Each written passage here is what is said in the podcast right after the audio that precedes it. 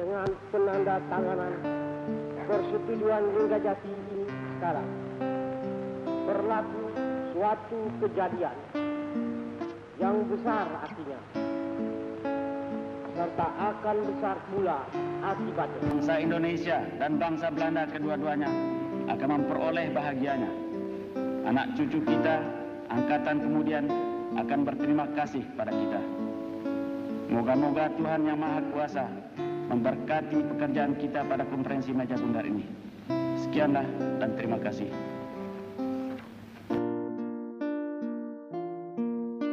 Ayo bangsa Indonesia, revolusimu belum selesai.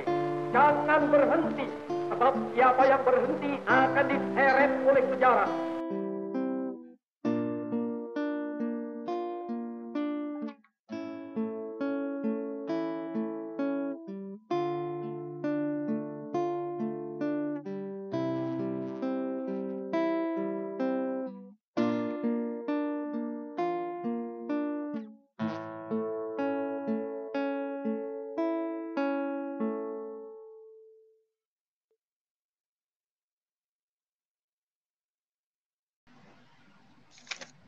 Kenapa Wali Songo ada sembilan? Sebenarnya ada 10 kan Syekh Siti Jenar. Ada banyak sebetulnya Nge. Oh. bukan sembilan sepuluh. Oh Coba ya? cek, coba cek. Iya. Setahu gua Wali Songo itu ya yang paten yang terkenalnya itu ya eh, sebutnya Wali Songo. Be- Di beberapa daerah ada juga orang-orang yang nyebarin agama itu disebut juga wali Iya, betul. Hmm, seperti itu. Islammu paten ya? Suka Loh. deh. Boleh dites. Apa Itu sih? enggak, itu lu nggak Boleh bilang di- boleh diadu. Iya. Sini lu ngadu cerdas cermat sama gua lu. Tuh di- Loh, Ya, udahlah jangan berantem, Bedon. jadi jadi ini juga gua tahu tema podcast ini apaan. Yang penting nanya aja. Nanya aja. aja udah. Nanya, omongin, nanya, omongin, nanya, omongin itu sampai bosen. Kalian on kalian kita, Bon. percaya nggak? Kalian percaya nggak kalau ada kerajaan Islam di Papua? Mau merah namanya. Nggak percaya gua. Gimana, Ceh? Eh, Karena percaya, bahasan percaya, percaya, gini. percaya. Percaya, oke, Percaya. karena bahasan bahasan pembelajaran sejarah di sekolah itu kan kerajaannya itu dibagi menjadi perwilayah. Kerajaan di Sumatera ada apa aja. Hmm. Itu ada klaim bahwa ada kerajaan-kerajaan Islam daerah Papua gitu. Jadi menurut pendapat kalian semua nih, teman-temanku, kasih pendapat kalian dong em, mengenai hal tersebut. Saran soalnya kan.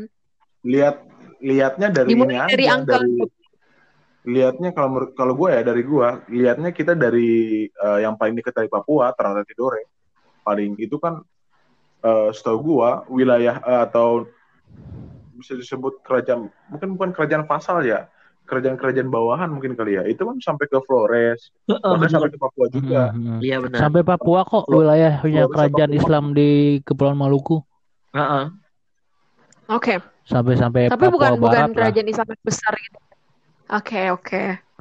Heeh, Kalau untuk Lalu kan satu kerajaan yang benar-benar ada di Papua dan dibentuk berdirinya di. Papua, berpusat di Papua, gue sih belum pernah denger ya, atau belum pernah baca literatur tentang itu. Cuman ya Kalau yang wilayahnya sampai Papua tuh ada. wilayah sampai Papua itu yang dari Kepulauan Maluku, Ternate Tidore.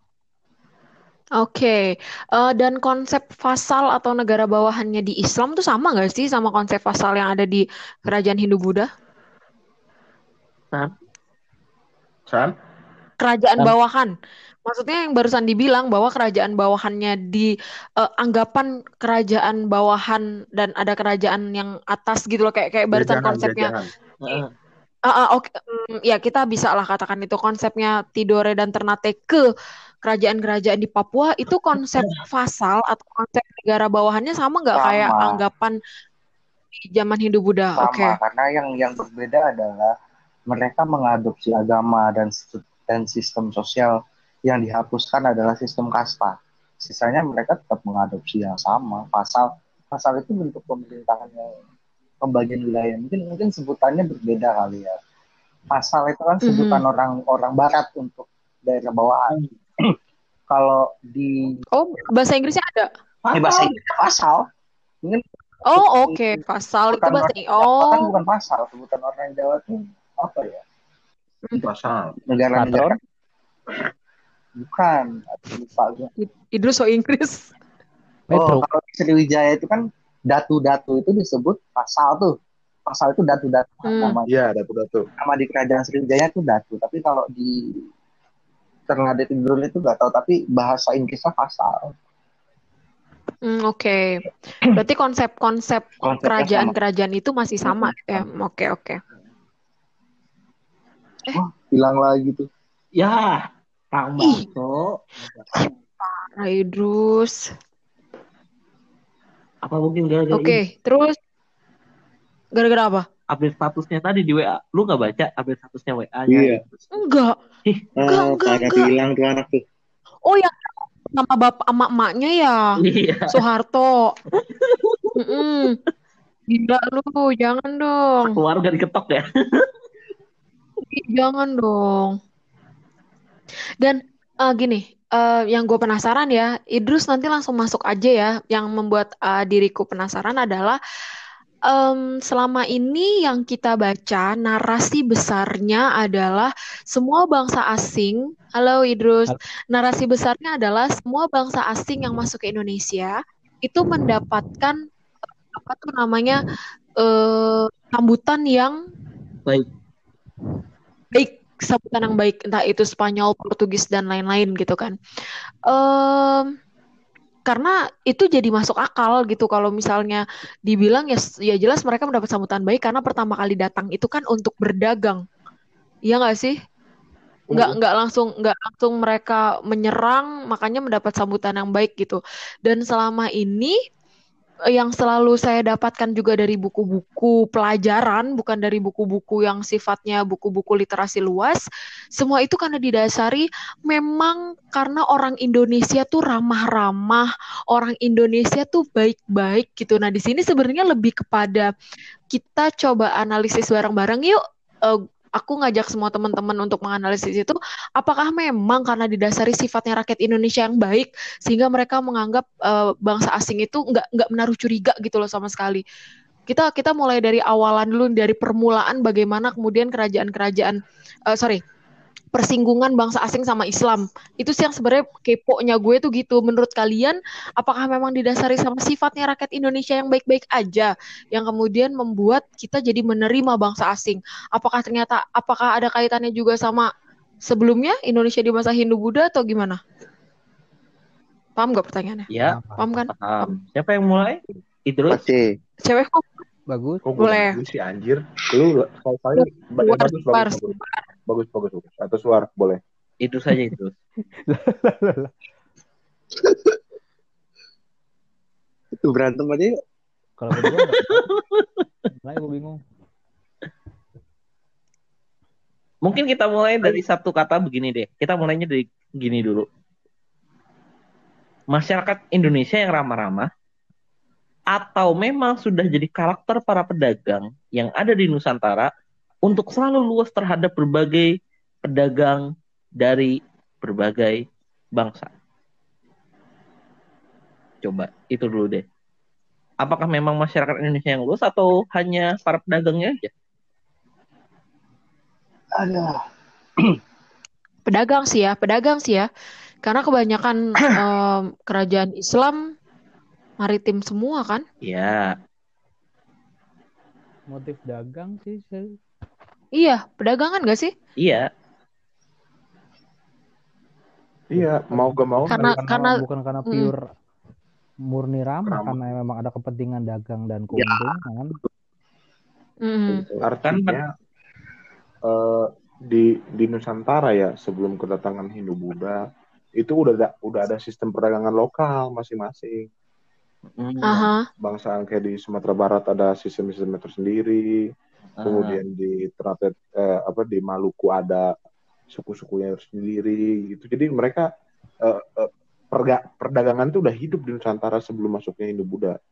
Hmm. gitu sih. Nah, kedatangan Hindu Buddha ini menawarkan konsep yang dibutuhkan dari orang-orang yang berdagang di Nusantara ini Mm-mm. atau menyempurnakan Contohnya, menyempurnakan bangsaan kayak eh, hubungan hubungan penjual dan pembeli misalkan ketika Hindu Buddha belum masuk mungkin sistemnya belum belum sempurna terlalu banyak aturan dan lain-lain nah ketika ketika masuknya Hindu Buddha itu mungkin ada aturan paten yang mengatur gitu Hmm, mungkin lebih lebih ke komoditinya. Ketika Nah, orang komoditi. Udah datang kan komoditinya yang tadinya dianggap nggak bernilai mereka bisa jual dan lebih menguntungkan mereka. Mm-mm. oke.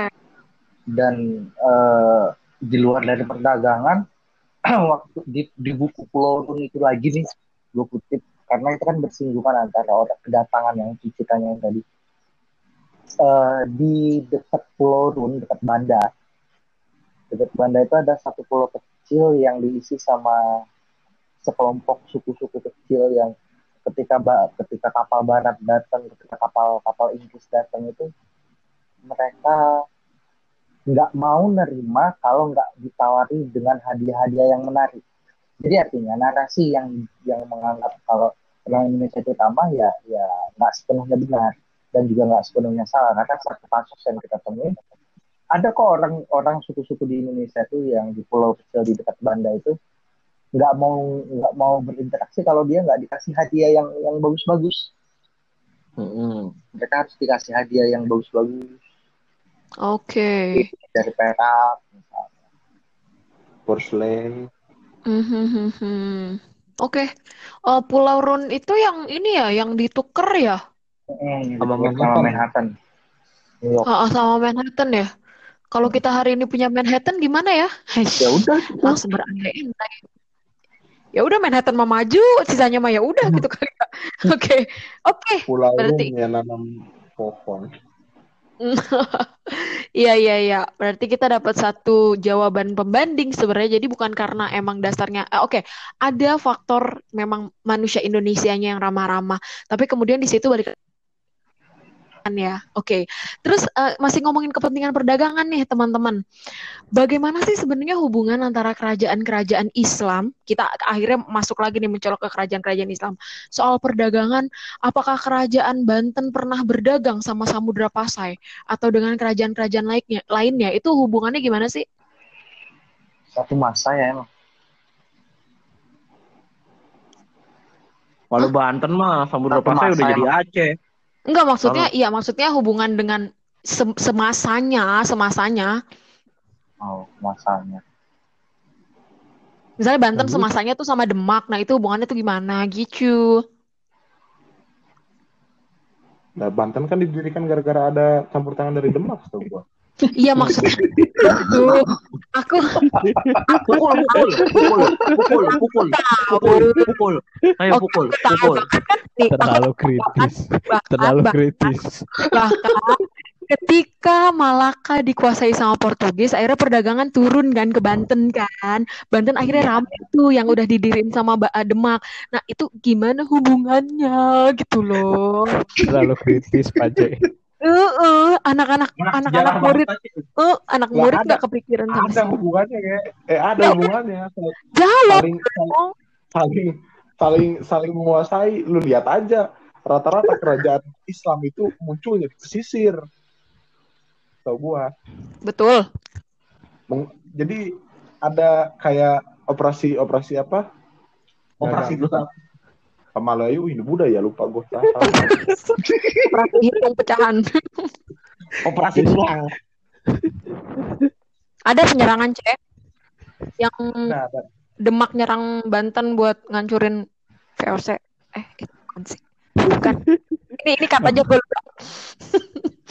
Bagus, Oke. bagus. Coba jawab. Ini kalau kalau kalau gua sama Suci yang jawab ngawur. Iya betul. Nanti tiba-tiba nih masuk tentara daerah, masuk lekrat, masuk kayak gitu. Hmm, Iya. Gimana Gus? Yang masalah tadi perdagangan atau hubungan kerajaan. Hubungan, Hubungan antar- dagang atau- antar kerajaan.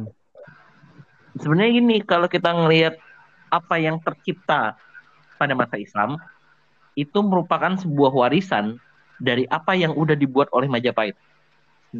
Gimana tuh? Ketika Majapahit menjadi sebuah kemaharajaan di Nusantara, mereka kan punya banyak wilayah yang luas. Banyak wilayah yang luas, khususnya wilayah yang luas yang dimiliki oleh Majapahit ini kan yang dianggap penting adalah wilayah-wilayah pelabuhan dagang. Karena kan ketika Majapahit berkuasa di Nusantara, Majapahit berupaya mengontrol perdagangan dari wilayah Indonesia Timur sampai ke wilayah Indonesia Barat. Barat. Di sinilah nantinya Majapahit itu kan bakal ngebentuk yang namanya pelabuhan-pelabuhan.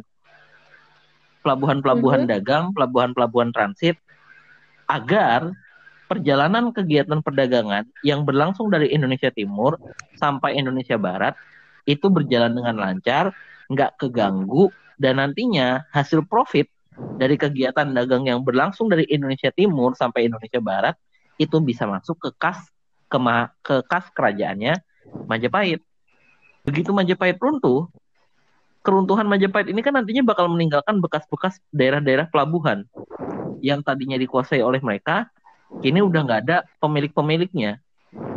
Di sinilah nantinya daerah-daerah pelabuhan bekas Majapahit ini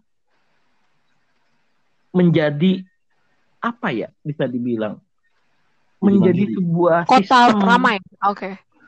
sistem kota perdagangan lah Yang udah dibuat oleh Majapahit ini dilanjutkan oleh daerah di- dilanjutkan oleh masing-masing daerah secara mandiri dan mungkin nanti ada yang masuk ke beberapa wilayah kerajaan seperti nanti ada yang masuk ke wilayahnya Demak, nanti ada yang masuk ke wilayahnya Cirebon dan lain sebagainya. Tapi kalau kita lihat Majapahit ini kan ketika dia berkuasa di Nusantara kan dia berupaya mengoptimalkan banget kegiatan perdagangannya dan perdagangan yang laris kan adalah perdagangan rempah dari Indonesia Timur yang akan dijual ke wilayah India ataupun wilayah Cina yang ada di sebelah barat. Di sini kan nanti bakal ada sebuah koneksi. Koneksi antara daerah Maluku, Sulawesi, Pulau Jawa, lalu ke Sumatera. Dan di Sumatera ini kan ketika masanya Majapahit itu udah ada Samudra Pasai. Mhm. Ya otomatis bisa dibilang mereka menjadi satu kesatuan sistem perdagangan lah. Yang nanti setelah Majapahit runtuh, sistem perdagangan ini bakal berjalan dengan mandiri. Mereka bekerja sama ya atas dasar persaingan, atas dasar juga eh, saling mempertahankan diri lah agar bisa survive sebagai jalur dagang. Itu sih Paten. yang gue tangkap Oke, dan nantinya berpengaruh ya setelah ma- masa Islam ini, maksudnya di saat masa Islam, kota-kota pelabuhan inilah yang nantinya akan dibangun oleh eh, teman-teman Barat, teman-teman Barat, Belanda, da- Belanda khususnya, untuk menjadi kota-kota eh, tol ya, pelabuhan, pelabu, tol-tol pelabuhan yang Ah. sama titik ferry kan nanti ujung-ujungnya bikin tol, candu dan lain-lainnya itu. Oh oke, oke masuk, masuk, masuk. Teman-teman yang lain mungkin bisa memberikan pendapat. Sandi Gue sih yes. Apalagi saya, saya yes banget. Gak ada Yes, otak Min. emang. Oke, apalagi ya? Nanya itu doang sih. Anak SMA tuh bakal nanya apa lagi ya? Nah, komoditas nih, Ci. Komoditas. Oh, oke, boleh komoditasnya. Betul, betul, betul. Jadi ngomongin ininya nih, Mm-mm. Karena kalau misalnya kita ngebahas kapan eh, Samudra Pasai lahir, ih baca buku aja gitu kan. Tapi biasanya kalau soal komoditas ini loh yang nggak banyak dibahas, karena mungkin nanti buku R, ah, sorry buku pelajaran bakal tebal banget kan kalau sama komoditasnya. Jadi mari kita obrolin soal komoditasnya. Ceng ceng. maritimnya dia dulu. ngomong. Apa, San? Iya diomongin ininya, Mm. komoditasnya. Iya, ngomongin siapa? Yaudah, yaudah. Ayo Pak Aceh dulu lah. Eh, kalau gua ya, kalau gua ngambil contoh dari Sumatera Barat, eh, komoditas ini eh, kerajaan Islam, eh, sorry sorry, masa-masa kerajaan Islam yang udah mau masuk-masuk ke masa kolonial ya. Nah, cuman ya mungkin bisa di disamain atau mungkin nggak disamain juga apa sih. Eh, ngomongin komoditas itu berarti kita ngomongin tentang pasar.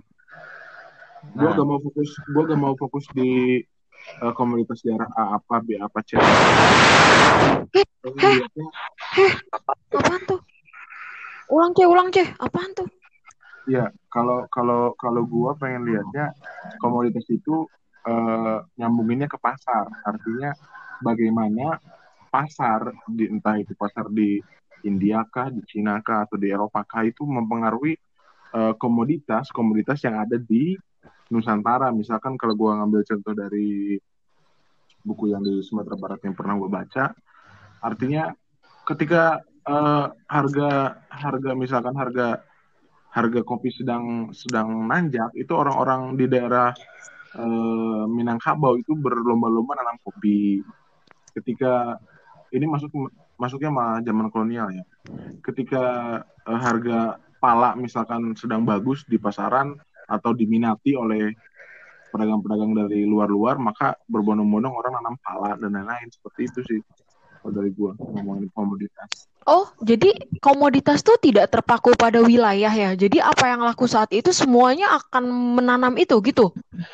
Kalau ad- ada beberapa komoditas yang nggak bisa ditanam, misalkan kayak kualitas pala nih, kualitas pala kualitas pala Maluku tentu nggak bisa dikalahkan oleh kualitas pala yang ada di daerah lain di Nusantara ya.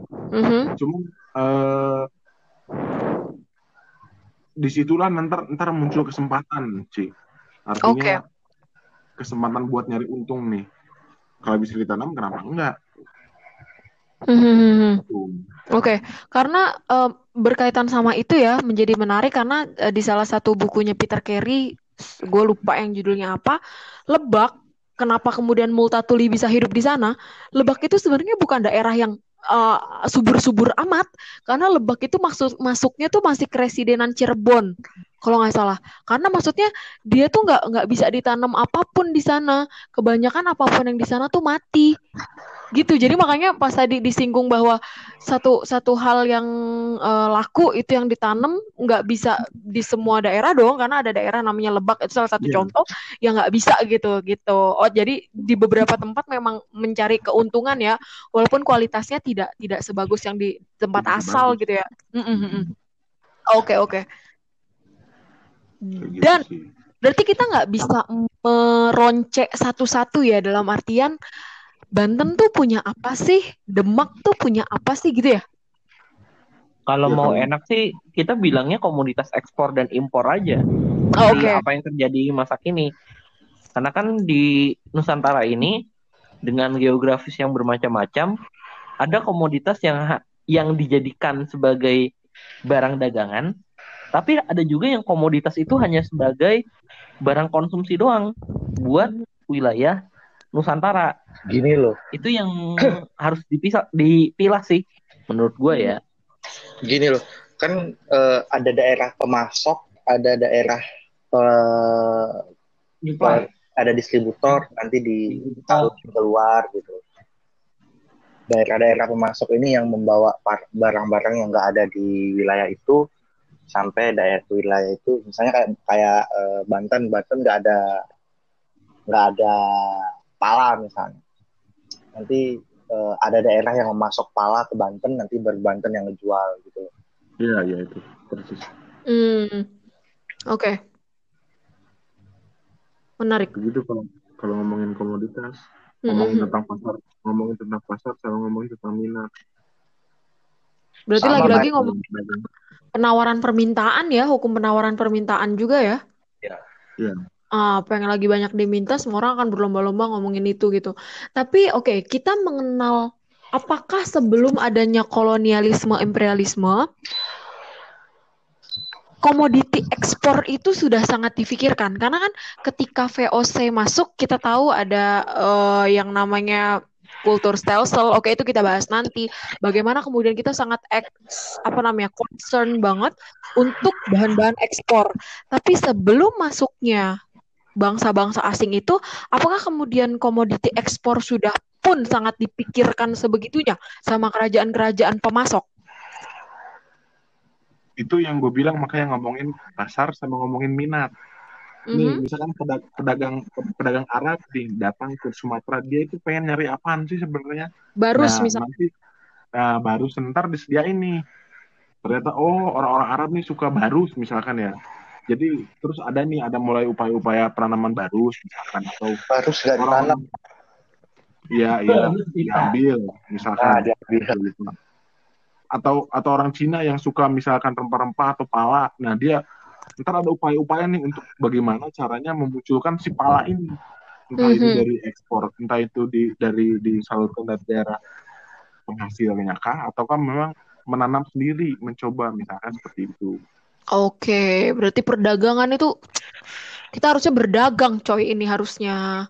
Satu poin pentingnya gue rasa eh, Hah? titik titik balik muncul kes- titik balik eh, rempah-rempah itu jadi terkenal tuh di masa ini, bukan di masa Hindu Buddha.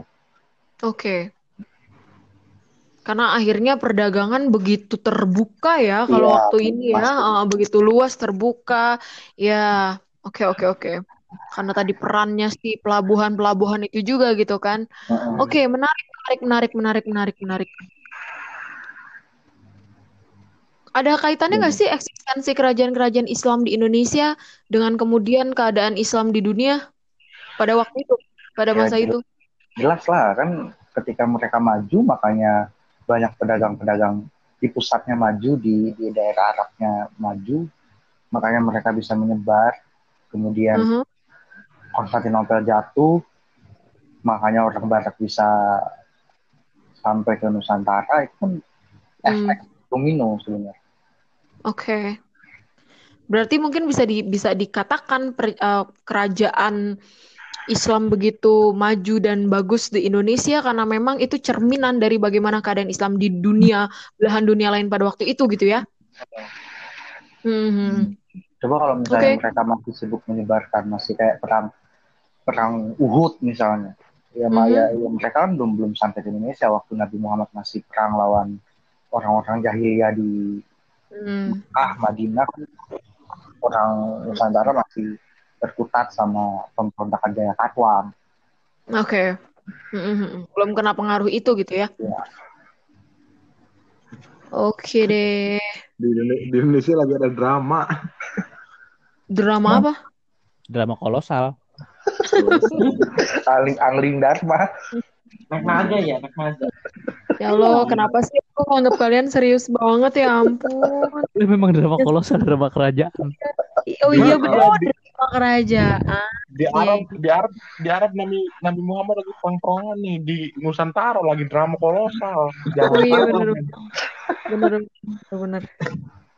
Terbang ya pakai selendang ya. Ya ampun. Aku ngambil selendang bidadari.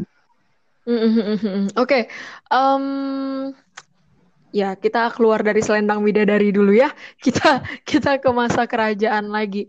Eh, gini, kita mengenal beberapa penyebar eh, agama Islam di Indonesia, khususnya di Jawa, dengan sebutan Wali Songo. Sebelum kita masuk ke situ ya, adakah wali-wali lain di luar Jawa yang menyebarkan agama Islam, ataukah sebenarnya wali-wali itu di luar namanya beda, sebenarnya perannya sama itu. Karena tadi ngebahas tentang selendang-selendang, saya jadi ingat Wali Songo entah kenapa. Oh mungkin karena saya sering nonton MNC TV kali ya, ada Wali Songo di sana, terus selendang-selendang dan lain sebagainya jadi ingat ke situ. Itu gimana guys?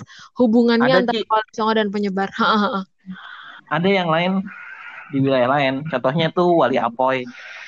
Wali A Wali Apoy, gue serius banget lagi Wali Apoy. Ya Allah pusing. Karena kenapa sih kalian semua? Lu udah mulu bos. Ada ada Ci. Lo ngomong apa? Siapa lagi selain Apoy ya? Wali murid. Capek. Goblok. Ya, astagfirullah. Nanti bagian gobloknya dipotong ya. Ini nih gue demen nih. Kesel dong. Iya dong. Kesel. Udah capek ya, udah capek. Serius, karena semua pertanyaan aku didasarkan pada ketidaktahuan aku. Serius. Kalau istilah gue nggak tahu di daerah lain ya apalagi di luar Jawa mungkin ada cuma kan yang tadi dibilang space sebenarnya wali itu kan gak cuma sembilan ya pada pada umumnya dikenal sembilan ya karena mungkin yang peran dan dampaknya paling cuman kan selain sembilan itu ada ada tokoh-tokoh lain juga ada wali-wali lain yang yang menyebarkan agamanya mungkin di, di lokalitas di tempat tertentu, di desa tertentu, di wilayah tertentu. Eh, lu lu inget gak ada yang namanya Syekh Puro? Iya, Kenal dong. Oh iya, Puro. Waktu aku ke Ah. sana kan aku Sugeng. Itu kan salah satu bentuk ternyata di Karawang yang nyebarin Islam bukan eh Songo. Kalijaga misalnya bukan Sunan Gunung Jati. Mm. Itu Oke. itu baru Dan- Karawang loh yang ada. Dan Sunan Hmm. Oke, dan Di- sunan-sunan itu memang harus turun temurun ya. Gimana gimana? di Tanjung Priuk ada Mbah Priuk tuh. Padahal gue nggak tahu perannya apa. Mbah Priuk itu oh agak Mbah Priuk itu setara sama wali ya yang nyebarin Islam di Free York. Iya kali Iya. Priuk. Ah, eh memang Free York. Jadi Priuk i. Tanjung Free York. Oke. Eh, tapi memang wali Songo oh, oh, sorry, wali itu sifatnya turun temurun ya. Jadi anaknya ini menyebarkan ini, anaknya ini menyebarkan ini. Nih, enggak yang bisa main yang bisa main drum. Ih, masih dilanjut. Lanjutin aja ngobrol deh lo berempat deh lo. ah. Pace kita bikin podcast berdua aja, Ce. Pakai bahasa Argentina, biarin aja pusing. ya, Baca di enggak, enggak tahu sih. Pacebo, lu kan wali kelas. Wali kelas no, wali kelas coba bicara. Kan gue juga wali kelas. Biasanya yang yang ada kalau untuk Wali Songo tuh kekerabatan sih. Oh, ada yang kerabatan, ada juga yang ini murid-murid. Hmm, Oke. Hmm. Yang hubungannya murid itu makanya namanya wali murid, Ci. Aduh, ya betul. Wali Murid-murid. wali Songo siapa ya? kayak Sunan Bonang punya murid namanya Sunan Kalijaga. Tapi tapi kebanyakan muridnya juga masih kerabat-kerabatnya juga nih ya. Bacanya itu tuh. Iya, kenapa? silsilahnya ketemu nanti Emang di iya turunan keberapa. Iya kan emang, emang Ya, pada akhirnya pada akhirnya kan wali itu ya dia dia juga. iya. Keturunannya dia dia juga ya. Iya. Kalau lu narik mazhab lu semua, mazhab hisap hisap apa? Bisa? Lu mau Apa? hitung? Bukan, kalau lu narik terah lo jangan-jangan paling atas juga ada wali. Nasab, jadi. Nasab, Nasab, nasab, nasab. nasab. Tadi gua hampir, tadi gua hampir hisap, kenisap semuanya gue. Gue gini-gini ada keturunan Cirebon dari uyut gue ya. Oh, serius. Serius. Uyut gue Oh. itu setengah setengah Cirebon, setengah Kuningan.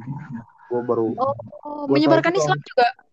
enggak. Uyut gue menyebarkan kebatinan. Serius? Kok keren banget. Eh, gue nganggap ini serius loh. Gak usah ketawain. deh. Oh, mau ketemu Uyutnya Pace. Iya. Uyut gue, uyut gue pedagang, jadi nggak nggak nggak menyebarkan begitu gituan. Oh, loh. Tapi Islam disebarkan lewat berdagang, Pace. Salah satunya salurannya. Ya, tapi kan uyut gue bukan Muslim, kebatinan dia malah. Uyut lupa, lupa. Demi Allah lupa. Oh, Uyut uyut gue itu setengah kalau dibilang Katolik, ya nggak Katolik kalau disebut kebatinan masih percaya begitu. Gue juga bingung. Apa apa namanya Uyut? Dia lahir tahun baru dia lahir dia lahir tahun 1901 tuh prediksi gua. Prediksi. Prediksi. Enggak, kamu. Udah kayak Eh, cenayang. soalnya nih, soalnya di, di KTP itu dia di KTP itu dia baru eh, umurnya 90 tahun. Sedangkan KTP aja baru ada kapan tuh setelah Indonesia merdeka Mm-mm. gitu. Terus oh, Orang gua pekerjaan menyebarkan agama gitu ya. menyebarkan kebatinan. Ya. 100 113 tahun lah gua. Oh, wow. Angkanya spesifik banget ya. Meninggalnya tahun Dan 2013. hebat, Dan- hebat. Ada itu semua prediksinya, prediksi Iya. gua. Prediksinya spesifik aja. Bah, saya punya keturunan berapa nanti, Bah? gua Soalnya diramal. soalnya gak, soalnya gak mungkin dia kalau lahir tahun 45 tahun 2013 berarti baru berapa tahun tuh 55 tambah 13 baru 80 tahun gak mungkin Hmm. Oke. Gokil, Iya, iya, iya, iya, iya. Ya ya ya ya ya ya ya. ya.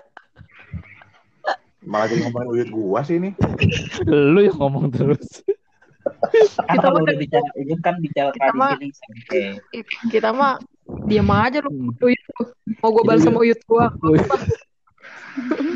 Uyut tuh punya sepeda kawan. Ayo udah udah udah udah udah belum nih? Gua mau ke Renjol nih.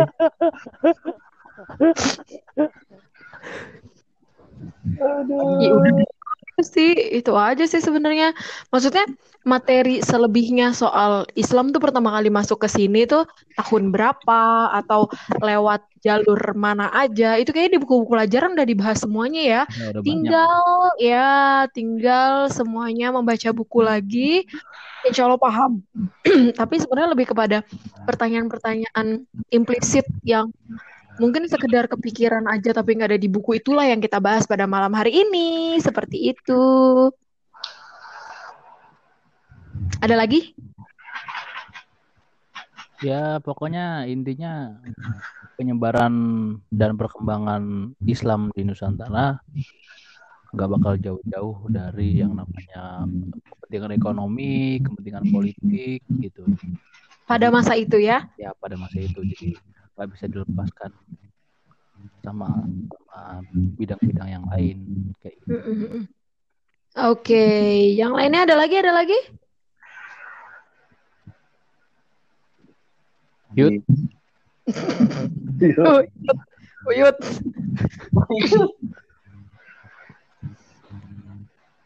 Ya, mana nih Uyut nih? Lagi dari berbatingan. Nggak ada lagi? Udah cukup sepertinya. Oke, selesai deh podcast kita pada hari ini. Terima kasih ya kepada teman-teman di ujung sana. Ada Pak Idrus, ada Pak Yohanes, ada Bapak Suar, dan ada Bapak Bagus. Terima kasih juga semua kepada pendengar. Nanti kita akan kembali lagi di podcast selanjutnya masih bersama Seperti di sini. And Podcast selanjutnya. Oh, tapi nggak tahu di di, di, uh, podcast selanjutnya akan bersama siapa ya. Nanti kita akan undang lagi guru-guru sejarah yang lebih variatif dan lebih ber ber, ber apa ya namanya berpengetahuan lebih banyak lagi. Terima kasih semuanya. Wassalamualaikum warahmatullahi wabarakatuh.